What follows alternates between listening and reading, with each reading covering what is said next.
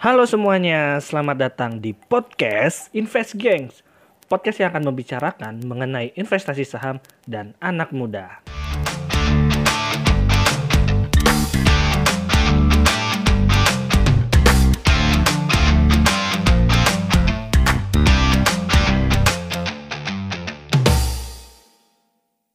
Anissa Triana.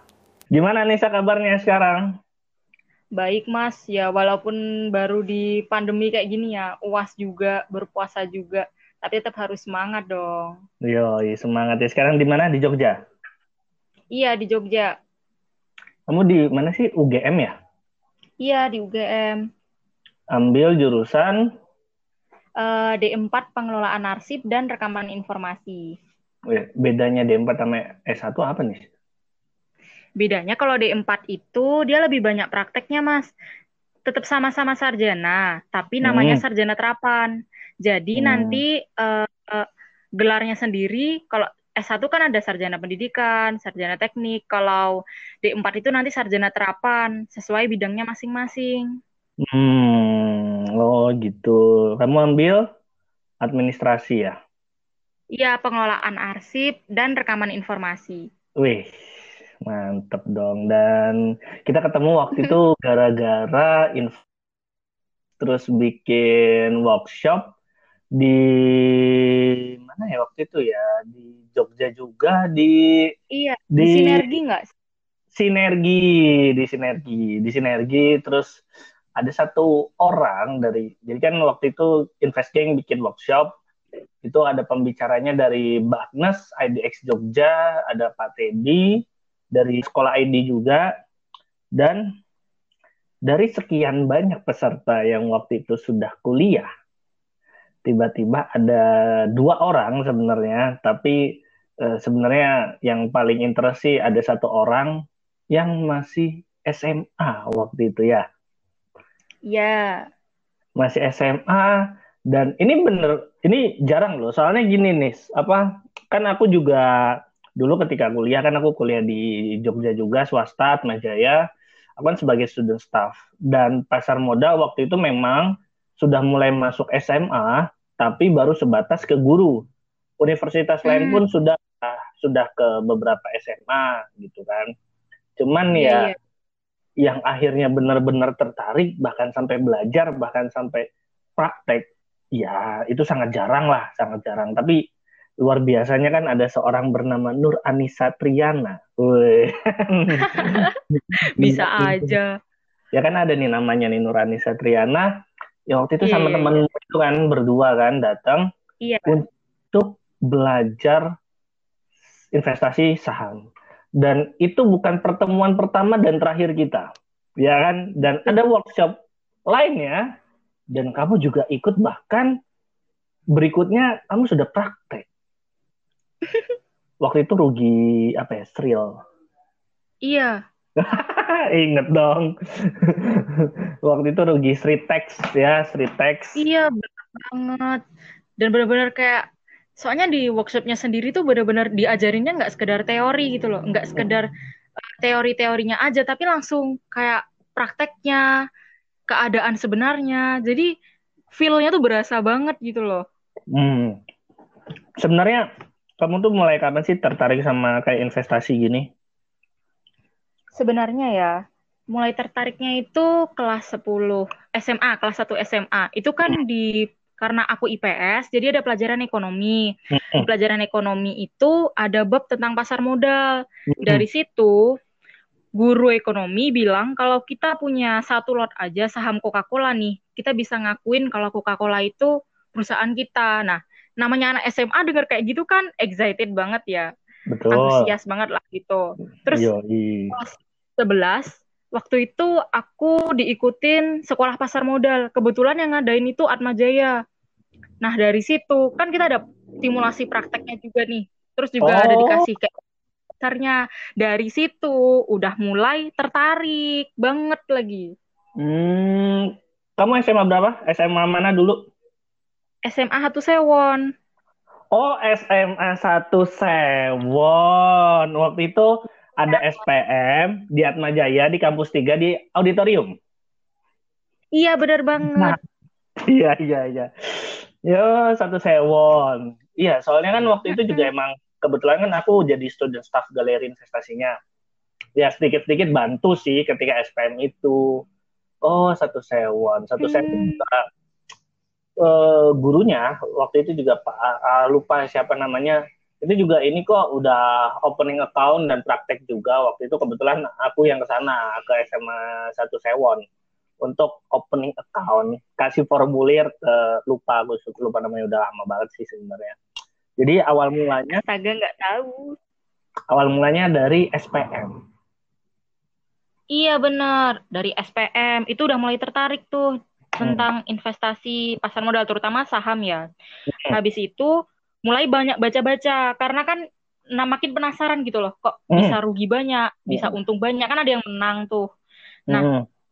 baca-baca ternyata itu kalau mau buka akun kan ada syarat KTP berarti kan minimal Betul. 17 tahun Benar. sedangkan waktu itu masih usianya masih 16 tahun mm. jadi sambil nunggu usia 17 tahun aku ikut-ikut nih kayak seminar kayak yang diadain invest gang gitu. Seminar ada pameran pasar pasar modal juga. Nah dari situ tuh udah makin yakin gitu loh. Makin yakin kalau mau buka akun buka akun gitu. Waktu ulang tahun ke 17 langsung deh. Opening account buka akun. Iya betul.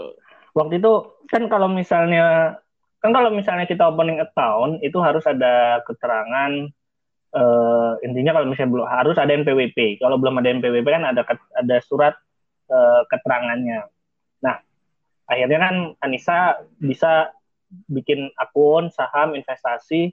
Nah pertanyaannya tuh gini nih, uh, kamu kasih tahu gak sih ke orang tuamu kalau kamu mau investasi saham? Kasih tahu dong, justru dari awal, dari udah niat waktu pulang dari sekolah pasar modal tuh udah niat banget kayak ternyata ini enak banget gitu bilang ke orang tua dan untungnya aja didukung malah. Hmm, disupport ya sama orang tua ya. Iya, bahkan sempat ditawarin pakai KTP orang tua. Cuma karena aku kan niatnya mau belajar juga ya, kurang greget hmm. gitu loh kalau pakai KTP orang tua atau pakai uang orang tua kan kurang berasa feel-nya gitu loh. Pengennya tuh ngerasain yang pakai uang sendiri atas nama sendiri, jadi lebih kerasa gitu belajarnya gitu. Rugi yang ngerasain, kalau untung ngerasain kayak gitu. Hmm. Terus kalau misalnya pertama kali ingat nggak saham apa yang dibeli? Pertama kalinya itu Antam sih.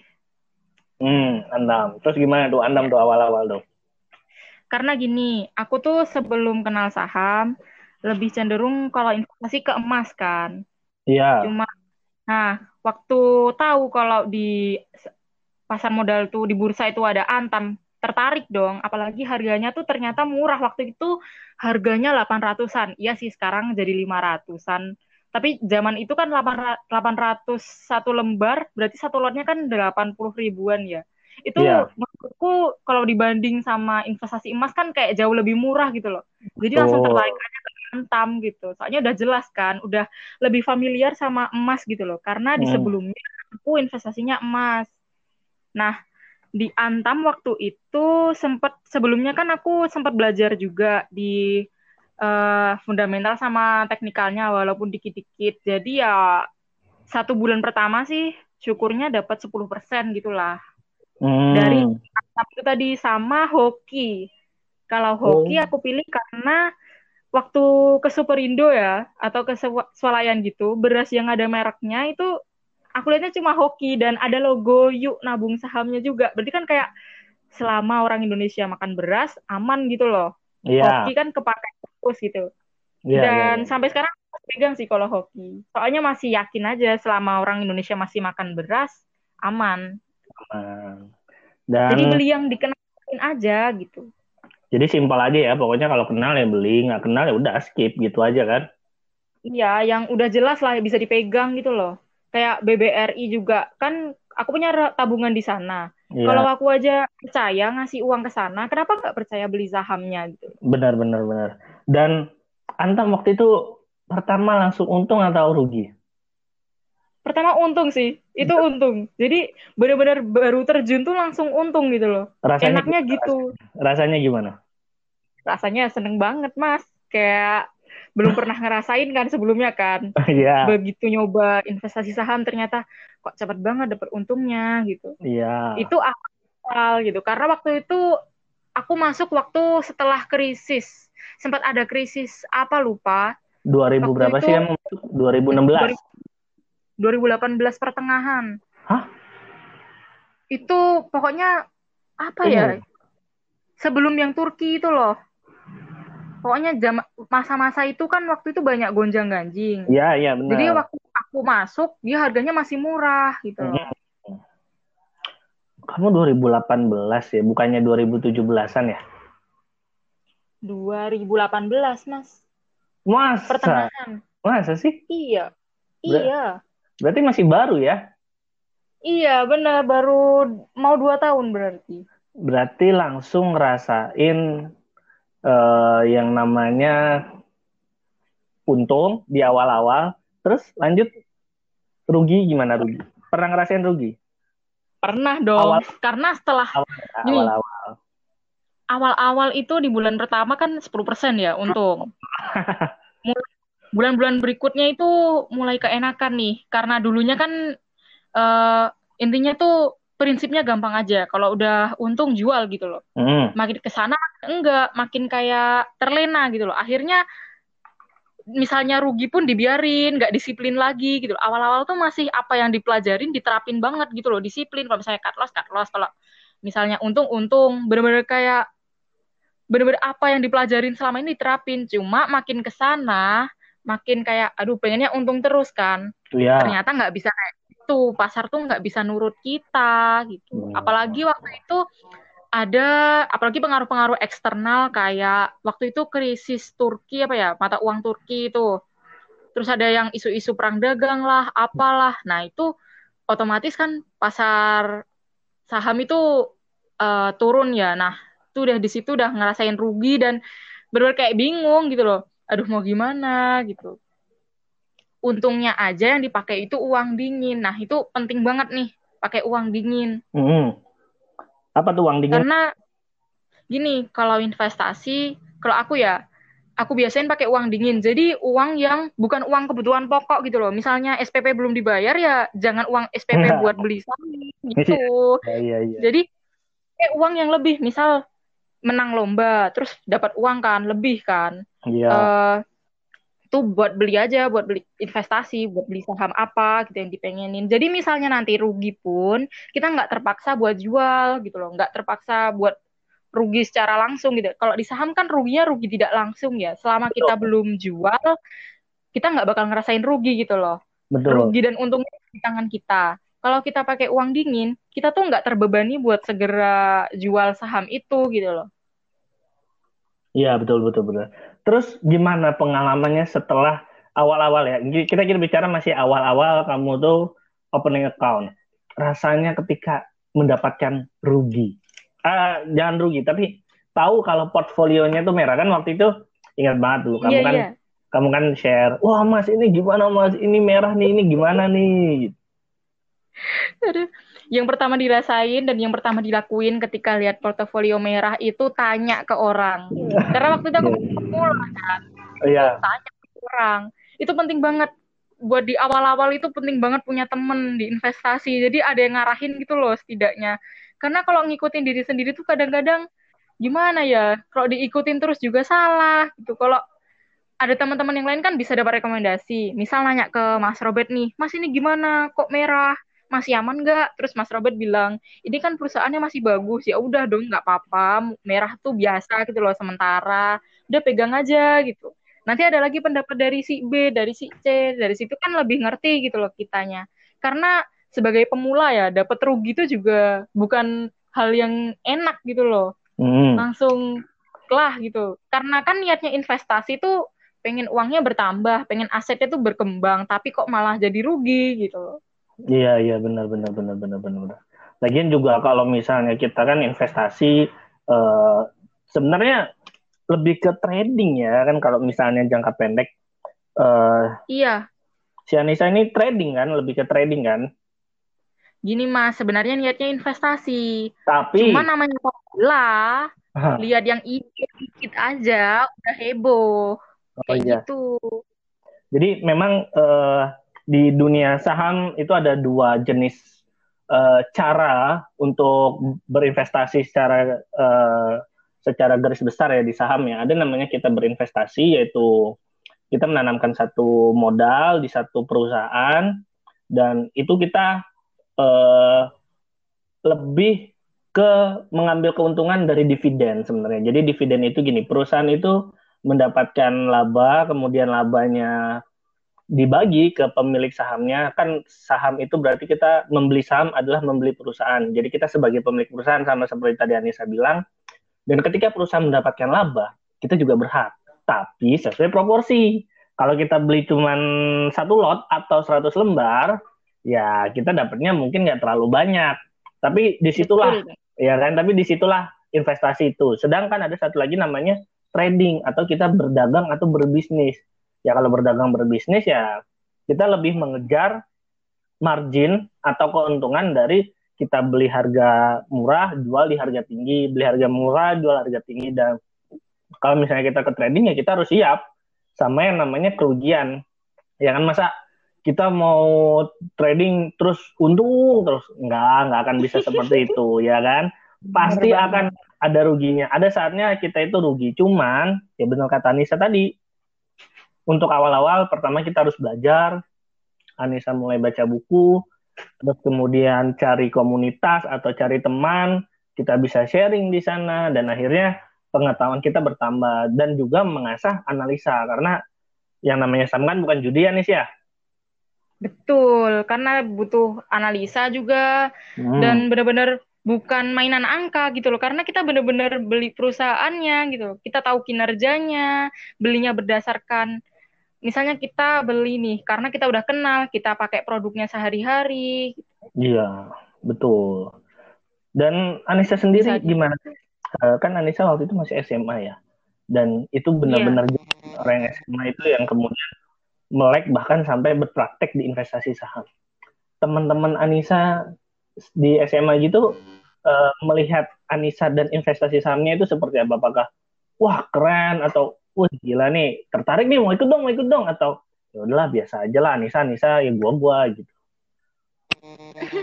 Gini, yang kesan teman-teman ya itu ya jelas sih pada nganggapnya keren pertama keren karena mereka mikirnya saham tuh kan kayak wah mewah, mewah banget gitu loh. Betul. Jarang didengar juga gitu loh. Apalagi guru juga bilangnya kayak kita seolah-olah memiliki perusahaan itu sendiri gitu. Nah, yang kedua, mereka anggapnya itu adalah barang yang mahal dan mewah. Jadi mereka hmm. sendiri kayak aku pengen tapi aku nggak punya uang gitu loh. Hmm, ya ya ya ya ya karena kan masalahnya tuh masalah anak muda tuh kan selain ya infonya juga terbatas kan selain karena informasi yang terbatas mereka juga ngertinya saham tuh mahal terus juga susah belum lagi yang isu-isu katanya judi hmm, bener banget jadi bener anak muda itu benar-benar sebenarnya tuh mereka tuh pengen berinvestasi, pengen banget kalau mereka tahu bahwa manfaat investasi itu bisa mengembangkan aset mereka, bisa dapat passive income, bisa dapat kebebasan finansial, sebenarnya bakal dilakuin sedini mungkin. Cuma karena keterbatasan informasi, belum lagi informasi-informasi apa ya, stigma negatif lah dari investasi itu sendiri yang bikin anak muda itu jadi takut gitu buat memulai. Sayang banget ya, padahal dengan misalnya kita kan eh, apa namanya dengan investasi saham sendiri kan kita bisa mengalihkan uang jajan kita yang sebenarnya sih eh, kan banyak nih anak-anak SMA kayak kayak aku dulu ya. Aku zaman SMA tuh ya sebenarnya dapat bawa bekal juga dari rumah. Cuman dapat uang jajan juga ya adalah uang bensin motor gitu kan. Karena aku sekolah dulu bawa motor.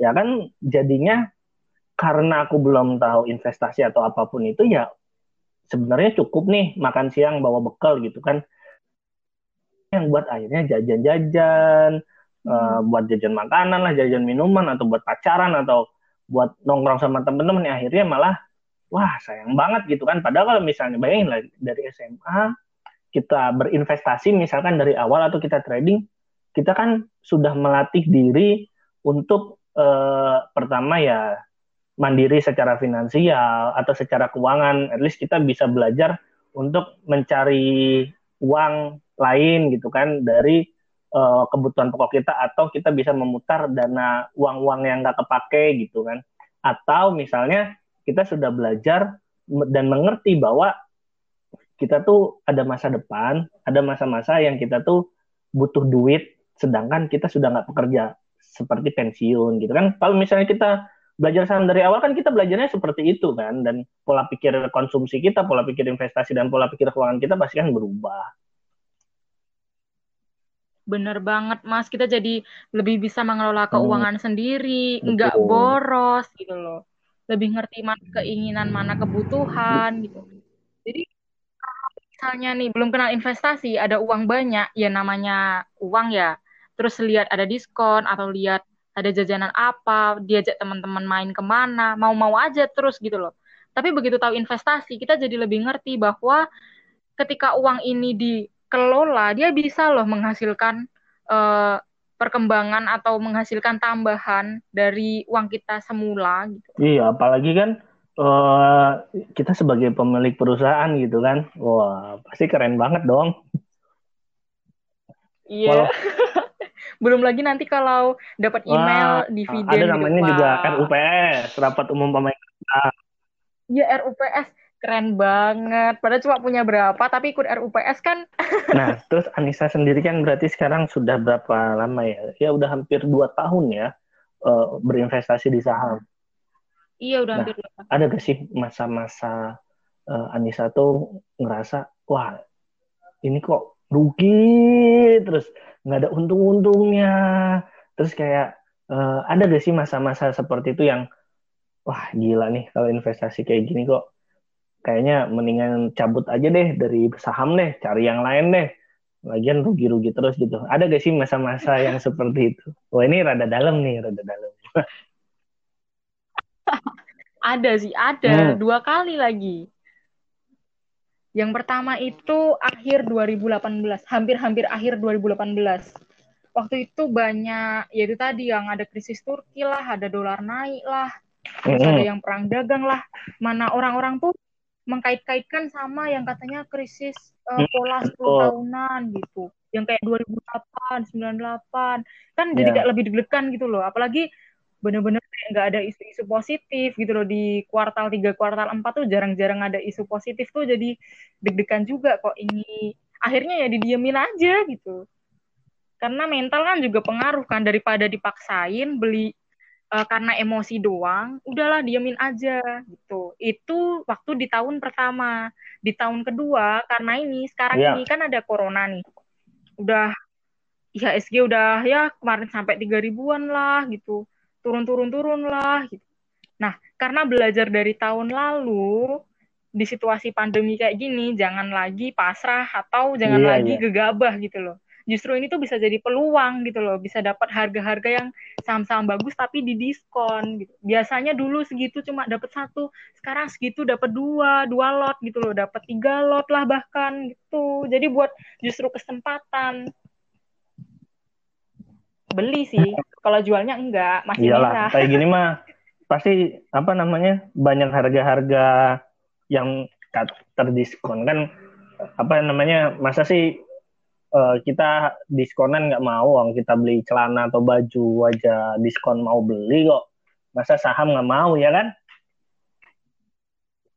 Iya benar banget. Mana itu perusahaan-perusahaan bagus apalagi dibilangnya perusahaan blue chip ya, hmm. perusahaan-perusahaan gede yang biasanya harganya agak mahal nih, bisa terdiskon 50% hmm. lebih. Itu kan peluang banget sebenarnya. Kalau bisa kita koleksi terus besok udah normal lagi, naiknya harganya naik lagi, wah keuntungannya di kemudian hari enak banget. Iya, apalagi kan uh, ini kan pandemik ya kita berharap semoga aja sesuai dengan banyak perkiraan para ilmuwan Juni sudah selesai uh, Mei puncaknya nanti Juni sudah selesai, Juli kita sudah mulai pelan-pelan bangkit lagi dan kan katanya nih, katanya 2021 kita akan seperti normal lagi di berarti kan misalkan benar-benar Mei ini adalah puncaknya, harga saham kan kemungkinan akan turun. Turun ke bottom apa ke daerah yang dasarnya yang paling ini nanti sampai kita hidup normal lagi berarti kan nih saham pelan-pelan mungkin akan merangkak naik.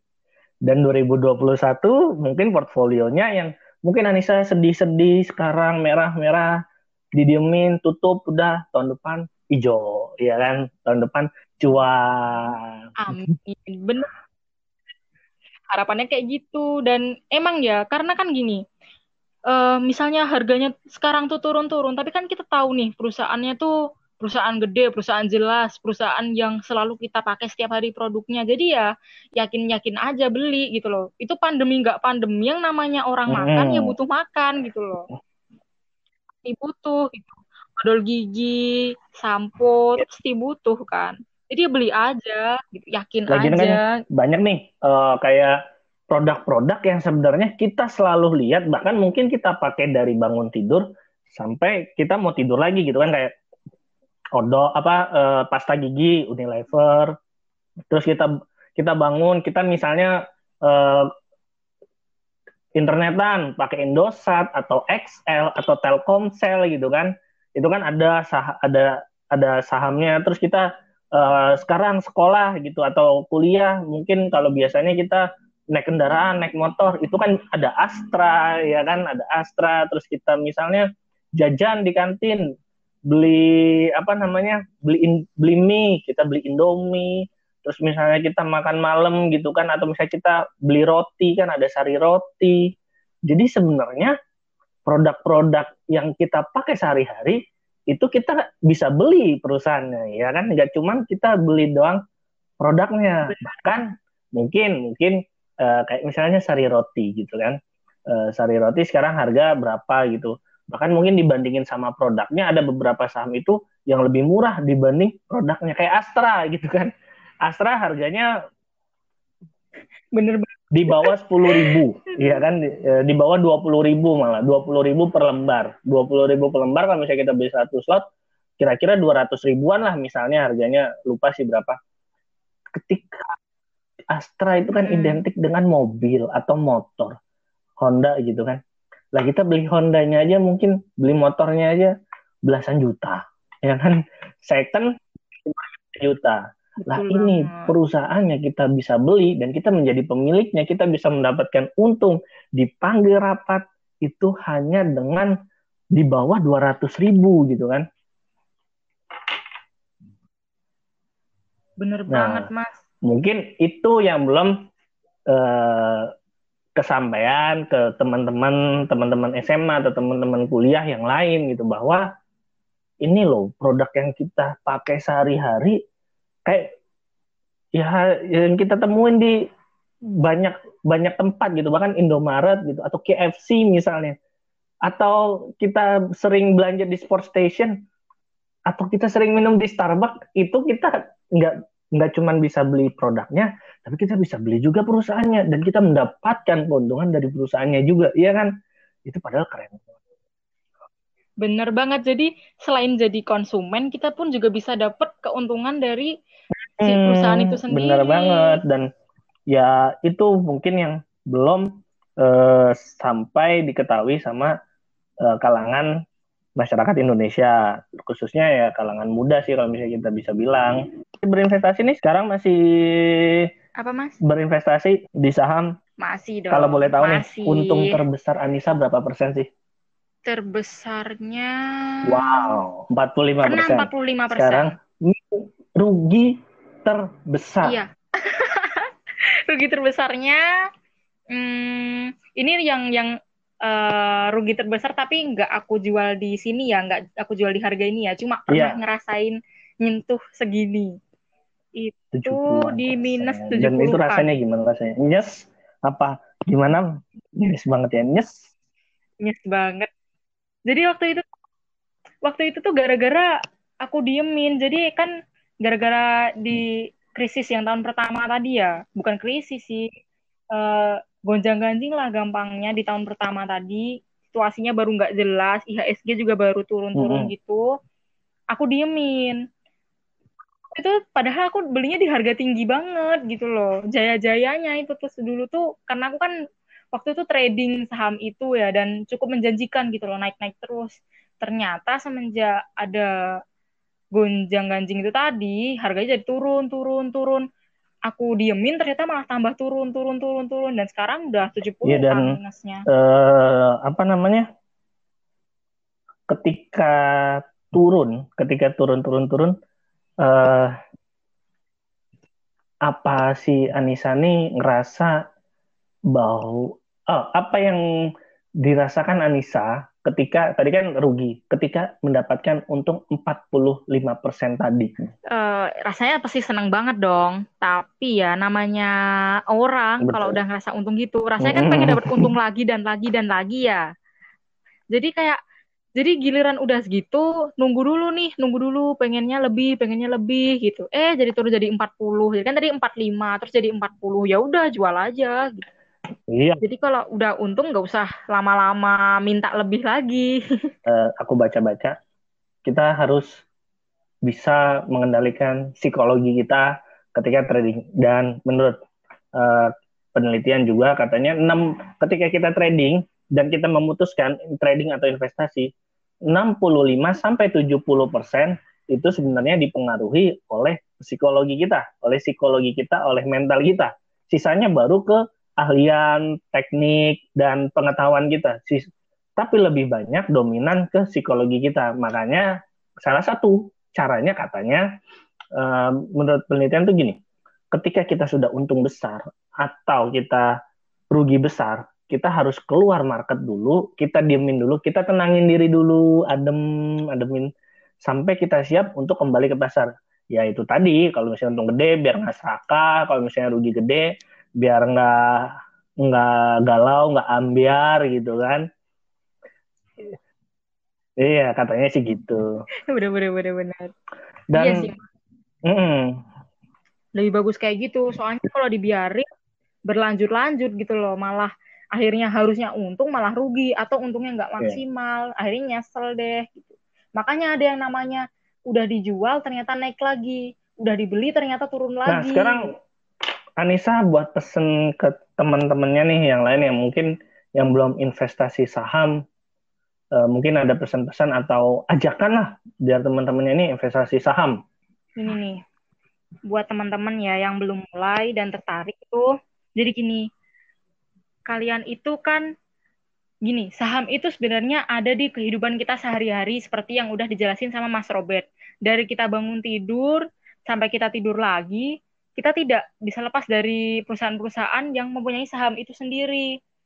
Nah, daripada kita cuma jadi konsumennya aja, kita cuma beli-beli aja, kalau kita punya sahamnya, kita bakal ngerasain keuntungan dari perusahaan itu juga. Jadi uang yang kita beli tadi kan enak juga kalau kembalinya ke kita lagi, kayak gitu. Dan keuntungannya saham itu kan nggak cuma satu ya, nggak cuma dari si keuntungan perusahaan tadi atau dividennya, tapi juga ada capital gain. Jadi uh, ketika kita beli di harga rendah dan jual di harga tinggi, kita juga akan dapat untung. Jadi di saham itu malah untungnya bisa double gitu loh. Apalagi kalau di diinvestasikan dalam jangka waktu tertentu, kita bisa ke, dapat keuntungan yang lebih banyak lagi gitu loh. Jadi karena saham itu murah, aman dan mudah, coba aja gitu. Bukan coba sih, memang suruh uh, investasi aja langsung gitu loh. Dan tipsnya itu yang pertama tuh yang jelasnya belajar dulu, jangan langsung terjun nggak jelas gitu loh. Kita harus belajar dulu, cari teman, ikutin seminar-seminarnya. Ketika kita udah dapet nih ilmunya, udah dapet gambarannya, kita baru belajar prakteknya. Karena kalau belajar teori aja, nggak semua yang di teori itu benar-benar kejadian di prakteknya itu saklek dengan teori itu enggak gitu loh. Banyak pengaruh-pengaruh luar yang memang uh, bisa terjadi gitu loh di luar dari teori-teori itu tadi. Jadi tipsnya selain belajar teorinya, cari teman, seminar-seminar, kita juga praktekin juga gitu loh. Seperti itu dan saham ini selain bisa membuat kita mengelola keuangan secara pribadi, kita juga bisa mengembangkan aset kita. Terus kita juga bisa dapat pasif income. Jadi ibaratnya kita nih nggak kerja, maksudnya kita tuh kan bantuin perusahaan buat dapat modal ya, buat biar mereka bisa menjalankan perusahaannya.